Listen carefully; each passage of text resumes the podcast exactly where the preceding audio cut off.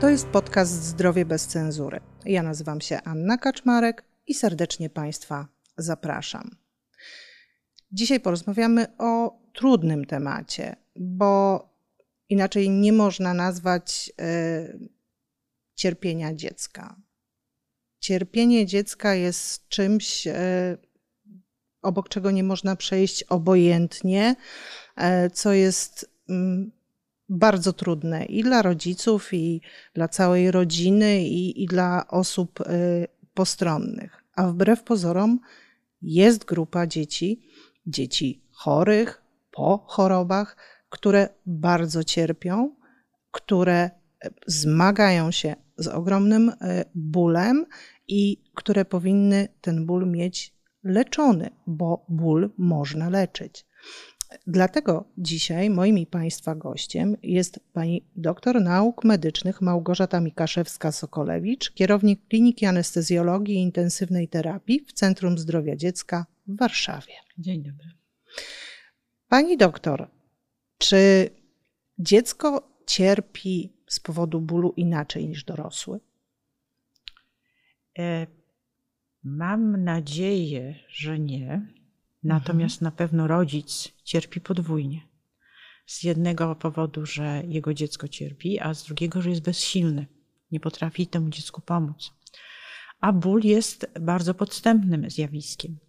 My tak naprawdę e, przecież ból znamy z tej strony, że ktoś nam go opisuje, tak? Mhm. Kiedy boli, jak boli, co sprawia, że ten ból się nasila a dzieci wielokrotnie nie umieją jeszcze tego opisać, tak? Nie, nie, nie są, do, przecież one mają, są malutkie czasami mhm. i my bardzo często próbujemy, nie chciałabym powiedzieć zgadywać, ale oszacować ten ból na podstawie objawów, grymasów, zachowania dziecka, takich objawów fizjologicznych, więc e, prawdopodobnie ból jest, y, gdybyśmy, gdybyśmy przeszli do fizyki, no to jest zjawisko elektryczne, tak? Po prostu mhm. jest jakiś sygnał, który jest przekazywany do mózgu i uświadamiany jako ból i powinien on być e, podobny u dzieci i u dorosłych. Oczywiście u dzieci może być taka sytuacja, że jest jakaś niedojrzałość układu nerwowego i, mm. i, e, i, tak jak pani pamięta, było bardzo często mówiło się, że noworodki nie czują bólu, dlatego że jeszcze mają niedojrzały układ nerwowy, co już teraz zostało obalone. No, okazało się, okazało tak, się, że jest, e, okazało mm. się, że jest nieprawdą.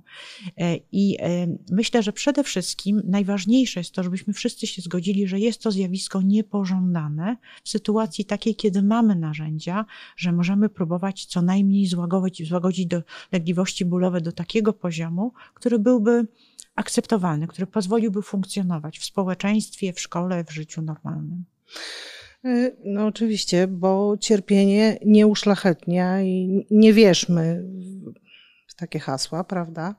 Tym bardziej e, u dzieci. E, no dobrze, ale ból bólowi nierówny. Tak. Mm, I teraz kiedy mamy do czynienia z bólem, który trzeba leczyć? E, w, tym, w tej sytuacji mm, radzimy sobie w ten sposób, że e, wymyśliliśmy sposób mierzenia tego bólu.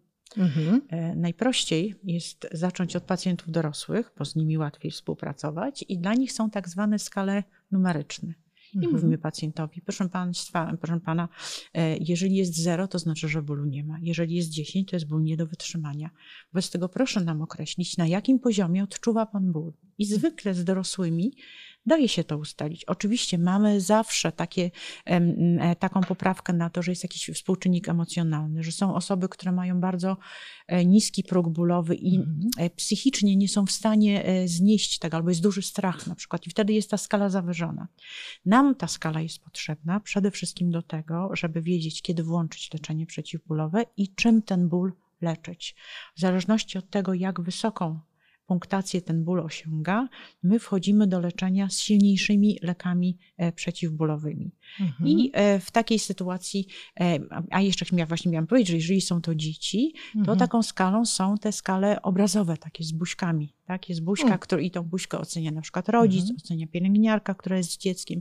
I na tej zasadzie, w tą, tą skalą FACES staramy się mierzyć, bo tylko wtedy mamy wspólny język i tylko wtedy możemy powiedzieć, ból był na trzy, wobec tego jak podaliśmy lekarstwo, to ono pomogło czy nie pomogło. Inaczej, jak ktoś powie bardziej, mniej, no to to wszystko jest bardzo osobniczo zmienne. Mhm. Więc odpowiadając na pytanie, staramy się, żeby ten ból był powyżej punktacji trzech. Jeżeli jest cztery, staramy się włączyć leki. Kiedyś było tak, że funkcjonowała tak zwana drabina analgetyczna. Najpierw zaczynaliśmy od leków, które nie były lekami opioidowymi, czyli takimi lekami narkotycznymi, a te narkotyczne zostawialiśmy sobie dla bólu silniejszego.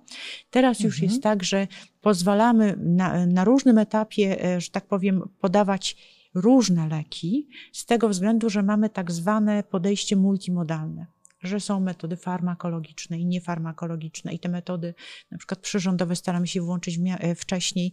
Także Mhm. stąd y, są opioidy, które słabiej działają, wobec tego y, mają słabsze działanie przeciwbólowe, Mhm. może w ten sposób powinnam powiedzieć i stąd Mhm. staramy się ten koktajl przygotować w ten sposób, żeby był przede wszystkim skuteczny, skuteczny, to znaczy taki, Mhm. żeby pacjent mógł spać, bo często ból nie pozwala spać. E, skuteczny, taki, żeby pacjent mógł wykonywać podstawowe czynności życiowe w ciągu dnia. A może więcej, a może będzie mógł pójść do szkoły, a może będzie Mhm. mógł się bawić z kolegami. E, wobec tego tego się nie ustali e, od razu, ale powoli, Mhm. małymi krokami e, można do tego bólu tak podejść, żeby go złagodzić. No dobrze, bo Państwo w Centrum Zdrowia Dziecka mają poradnie leczenia bólu u dzieci. Tak jest. To, to jest taki biały kruk e, na mapie e, takich poradni w Polsce, bo ich jest, zdaje się, dwie lub trzy, prawda? Tak jest. E, Pewnie powinno być ich więcej. Natomiast jakie dzieci do Państwa e, trafiają? Bo nam e, kojarzy się kwestia leczenia bólu raczej z chorobami nowotworowymi albo mm, z takim stanem, kiedy człowiek jest już pod koniec swojego życia, prawda?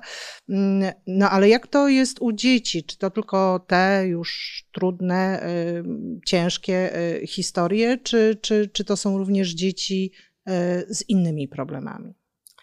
Y, Generalnie uważa się, bo poradnie leczenia bólu generalnie zajmują się pacjentami, którzy mają ból przewlekły, czyli taki Mhm. ból, który trwa.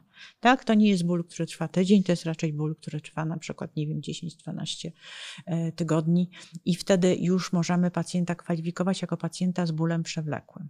I taki Mhm. pacjent, jeżeli trafia e, do naszej poradni, to powody mogą być różne. Jak czytamy na temat em, tego, co najczęściej jest, e, e, jaki najczęściej ból jest u dzieci, no to e, znajdziemy, że najczęściej są to bóle głowy, bo taki, taki ból głowy zdarza się u co czwartego pacjenta w poradni przeciwbólowej.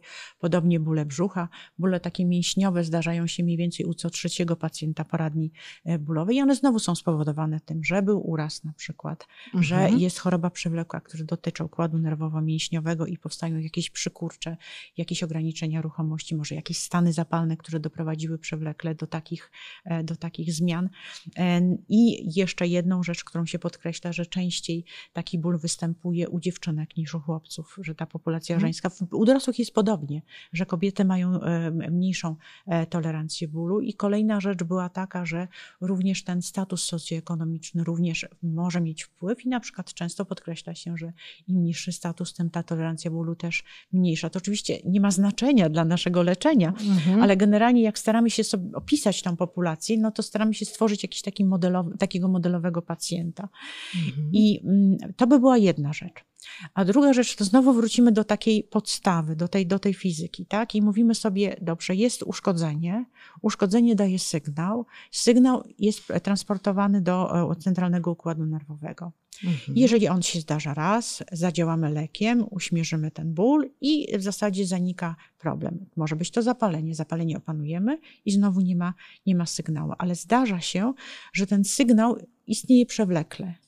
Wobec tego Mimo, że problem jest rozwiązany. Tak, tak. Mimo, Mhm. że problem jest, wydaje nam się, że rozwiązany Mhm. i wobec, w związku z tym to wyła, te wyładowania i ten, i ten sygnał jest transponowany z, bardzo często, wobec tego dochodzi do przerysowania go. Tak? I w Mhm. pewnym momencie mamy taką sytuację, że musimy zadziałać bardziej agresywnie. Musimy e, temu pacjentowi bardziej pomóc, bo już jeden lek nie pomoże, tak? Jedna tabletka nie pomoże. Musimy działać, e, musimy działać inaczej i wtedy na przykład bardzo często jest tak, na przykład, jeżeli są pacjenci, którzy mają choroby przewlekłe nerek albo cukrzycę, tak, gdzie Mhm. dochodzi do zniszczenia nerwów, tak, w związku z tym i ta odpowiedź tego nerwu na sygnał jest inna, w związku z tym również to odczuwanie bólu będzie, e, będzie zmienione. Więc to, to jest taka strasznie długa populacja i wtedy mówimy o bólu przewlekłym, wtedy mówimy o takim bólu neuropatycznym, który jest bardzo trudny do leczenia. Kolejna rzecz jest taka, że zdarza się na przykład, że mamy ten ból opanowany, jest tolerowany i co jakiś czas pojawiają się takie piki takiego bólu przebijającego. I ten ból Mhm. jest też bardzo trudny do leczenia, bo on w pewnym momencie, w najmniej spodziewanym momencie, No tak. pojawia się tak, wtedy, kiedy jest jakaś aktywność fizyczna, wtedy, kiedy pacjent śpi, wtedy, kiedy no, tak rozmawia, tak jak my i tak dalej. W Mhm. związku z tym ten ból nie ma jednego oblicza, natomiast jest podstępny i czasami jest bardzo trudny do leczenia. E, Rozumiem, pani doktor, e, ale mm, a jakich ma pani pacjentów teraz w tej poradni waszej leczenia bólu? Kto u was się leczy? E, Do tej poradni trafiają pacjenci, Mhm. no musimy powiedzieć, że z całej Polski i pacjenci Mhm. onkologiczni, i pacjenci neurologiczni. Często są to pacjenci z chorobami przewlekłymi. E, O, chciałam Pani opowiedzieć o takim pacjencie, który trafił do nas po operacji ortopedycznej, bardzo wyniszczony, z dużymi przykurczami, Mhm. który ż- w ocenie rodziców miał niedostatecznie leczony ból. E, My mieliśmy, byliśmy przekonani, że ten ból e, leczy się, tak? że my w zasadzie Mhm. dajemy e, odpowiednią dawkę leków i te leki w odpowiednim odstępie czasowym, że to dziecko powinno być zabezpieczone przeciwbólowo. I pamiętam, zaprosiłam tych rodziców do nas, bo cały czas mieliśmy zgłaszane, że oni są niezadowoleni, że Mhm. nie akceptują terapii, którą my chcemy temu dziecku zaproponować. Wobec tego chciałam zobaczyć, gdzie jest przyczyna, no bo jak się z ludźmi Mhm. nie rozmawia, to nie wiadomo o co No chodzi. tak. Mówię, ale skąd pani wie, że to dziecko boli? Ona mówi, bo jak ja je biorę na ręce, to ono się uspokaja. E, I wtedy e, okazało się, że e, to nie tylko są te leki przeciwbólowe, ale to jest również pozycja. Tak jak to dziecko w jednej pozycji leży, to Mhm. też trzeba tą pozycję zmieniać, więc czasami są takie, te, te, my z, i mamy psychologów, i mamy rehabilitantów, i mamy pracowników socjalnych. To jest, to jest cała grupa ludzi, którzy pracują nad tym, Czyli żeby... ból leczy nie tylko lekarz. Leczy nie tylko lekarz, tak. Tak. Musi być, e, no, no, rzeczywiście, no, jeśli czasami zmiana pozycji, prawda? No to właśnie, w kwestii metod leczenia, bo zwykle leczenie bólu kojarzy nam się z farmakoterapią. A, Tak. Takiego Mhm. prostego, to w ogóle leki, prawda, e, które są dostępne bez recepty, zażywamy, mija ból. E, Ludzie, którzy mają duży ból, dostają leki bardziej, Mhm. że tak powiem, już mm, na receptę, tak. Później jest kwestia w szpitalu. No dobrze, ale tutaj przy tym przewlekłym bólu e, macie Państwo chyba różne sposoby, nie tylko te e, farmakologiczne, prawda? Tak, mamy różne sposoby. Nawet w tych farmakologicznych czasami Mhm. stosuwa, stosujemy wlewy leków, tak zwanych adiuwantów, czyli leków pomocniczych.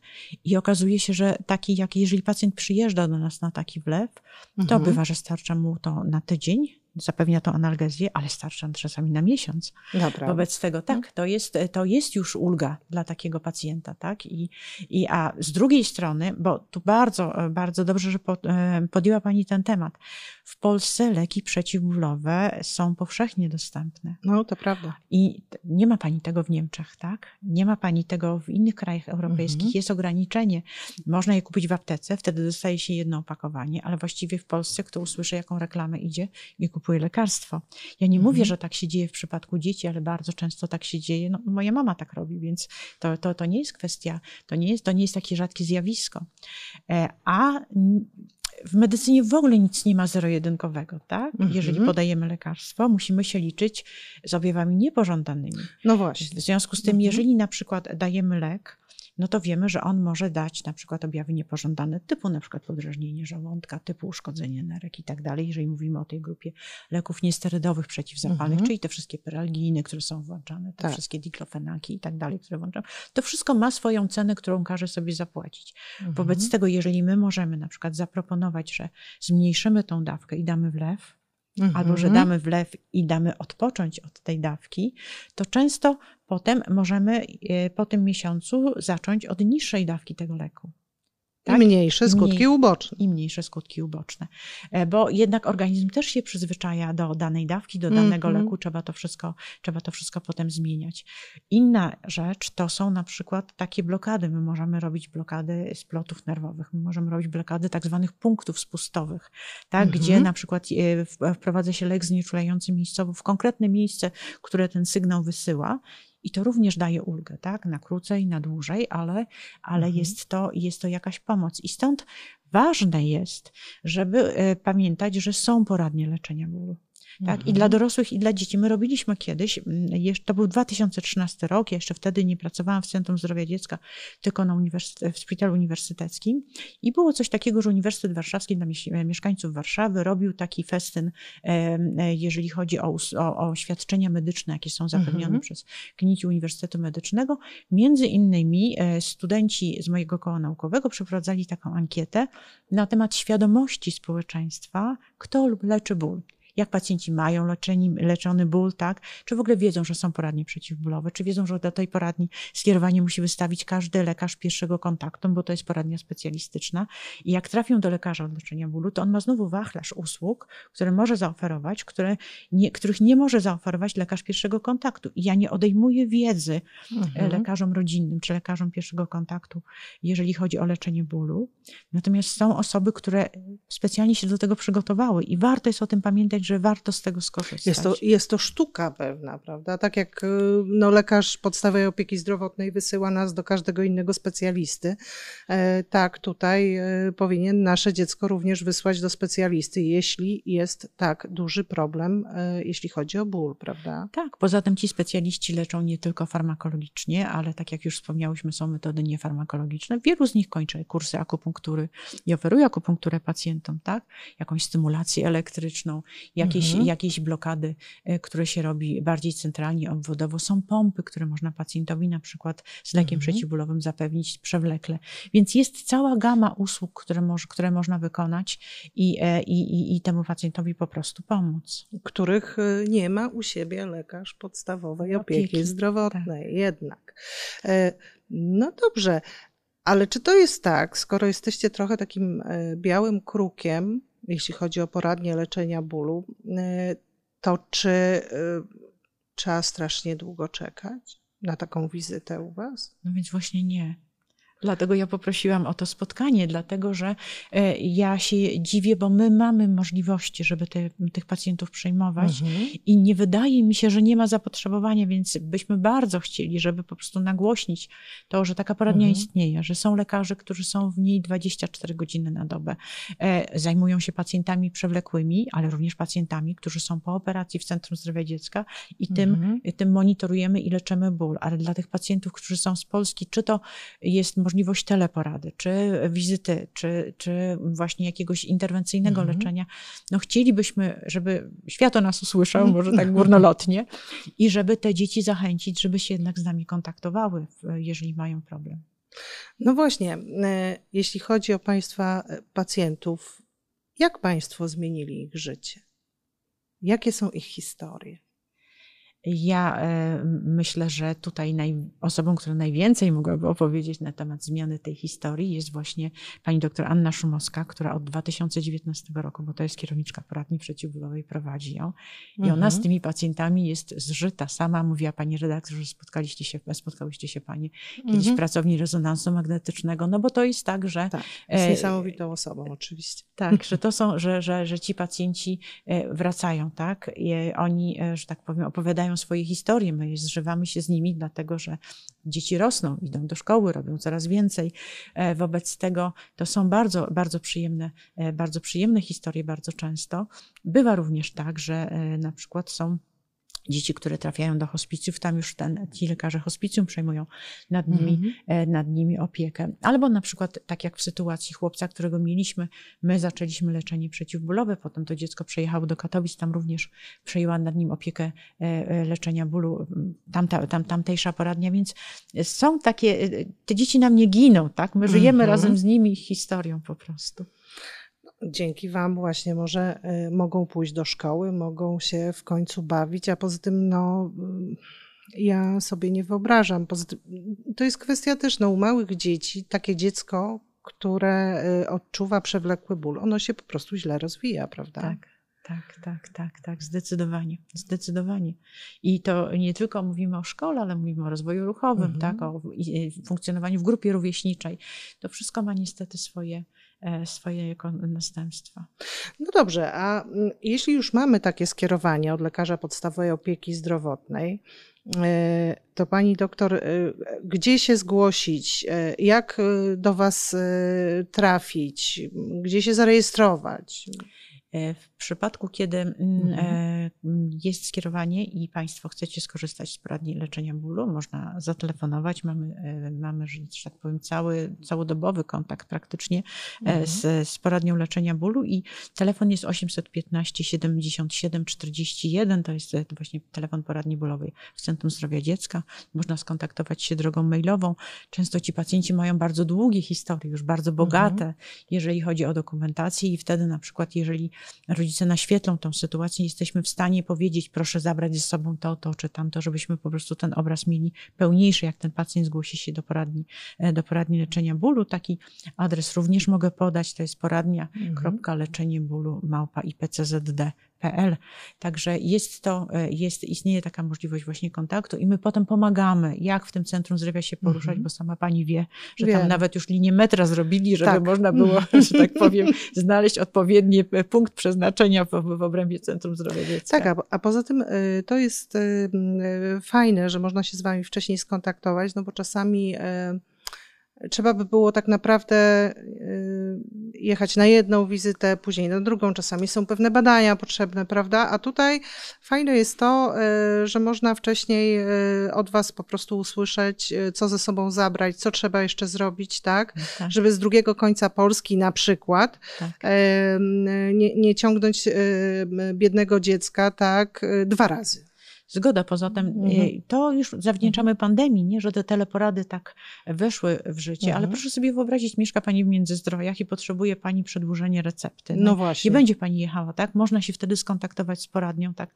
W tej chwili możemy te recepty wystawić po prostu zdalnie na pacjenta, więc to są takie rzeczy, które ułatwiają, tak? No E, tak, bo y, szczególnie z, z dzieckiem, które jest chore, tak, y, no przemieszczanie się po całej Polsce na pewno nie jest łatwe. E, Czyli można to po prostu załatwić później e, w jakiś taki sposób e, zdalny, można to nazwać, prawda? Tak, tak. Nawet dopytać się, czasami są, są wątpliwości, czasami dziecko nie tak toleruje, wtedy my możemy poradzić, jak zmienić to leczenie. No po prostu jest naprawdę z nami kontakt przez cały czas. Jest tam co najmniej czterech lekarzy, którzy na zmianę pracują w tej poradni i, i, i mówię, czy inwazyjnie, czy, czy, czy farmakologicznie Mhm. próbujemy ten ból opanować. No właśnie, jeszcze a propos tego, em, tej farmakologii, bo tutaj myślę, że też warto dopytać, bo mm, oczywiście wszyscy się boją uzależnień, e, tak, e, i tego typu historii mm, od e, poważnych leków przeciwbólowych, e, mm, a już tym bardziej pewnie jak e, jest kwestia dzieci. Jak to jest e, z tymi e, lekami poważnymi? Tutaj wszyscy myślą o morfinie oczywiście, tak? Tak. Mm, Tak, no jest, to jest lekarstwo, które jest lekiem uzależniającym, jak każdy opioid, Mhm. ale to jest również lekarstwo, które daje inne objawy, na przykład zaparcia, które są również nieprzyjemnym objawem. Wobec Mhm. tego my właśnie dzięki temu, że mamy możliwość tego multimodalnego leczenia, tej, tego, tych takich koktajlów, tych, tego wachlarza propozycji, które pacjentom składamy, staramy się ob, obniżać tą dawkę tych najsilniej działających leków przeciwbólowych, wchodzić z innymi lekami albo metodami leczenia, żeby e, tą dawkę zredukować i przy okazji zredukować te objawy uboczne. Mhm. Także są całe schematy postępowania, zamiany leków, tak? Jak Mhm. postępować, żeby, żeby po prostu te objawy zła- łagodzić. Ja celowo nie mówię, że my, to, my unikniemy tego problemu, bo tak nie jest. Natomiast Mhm. mamy na pewno narzędzia, żeby próbować sobie radzić e, z taką e, sytuacją, bo przecież każdy pacjent reaguje indywidualnie. Tak. Nawet jeżeli powiemy, bo, bo nie, nie, bo nie leczył go specjalista leczenia bólu, to wcale nie gwarantuje, że ten specjalista również nie będzie miał sytuacji takiej, że będzie trzeba te leki zredukować, czy będzie trzeba je zastąpić innym lekiem, no po to, żeby, żeby się pozbyć właśnie tych objawów, tej, tej, tego takiego głodu, tego uzależnienia i tych objawów ubocznych. Rozumiem. Proszę Państwa, y, cierpienie nie uszlachetnia, cierpienie dzieci tym bardziej nie uszlachetnia, y, więc jeśli macie Państwo y, dziecko, które jest chore, które cierpi, które y, cierpi z powodu bólu przewlekłego, to polecamy jak najbardziej y, poradnie leczenia bólu w Centrum y, Zdrowia Dziecka, a Pani doktor zaprasza wszystkich, którzy potrzebują pomocy.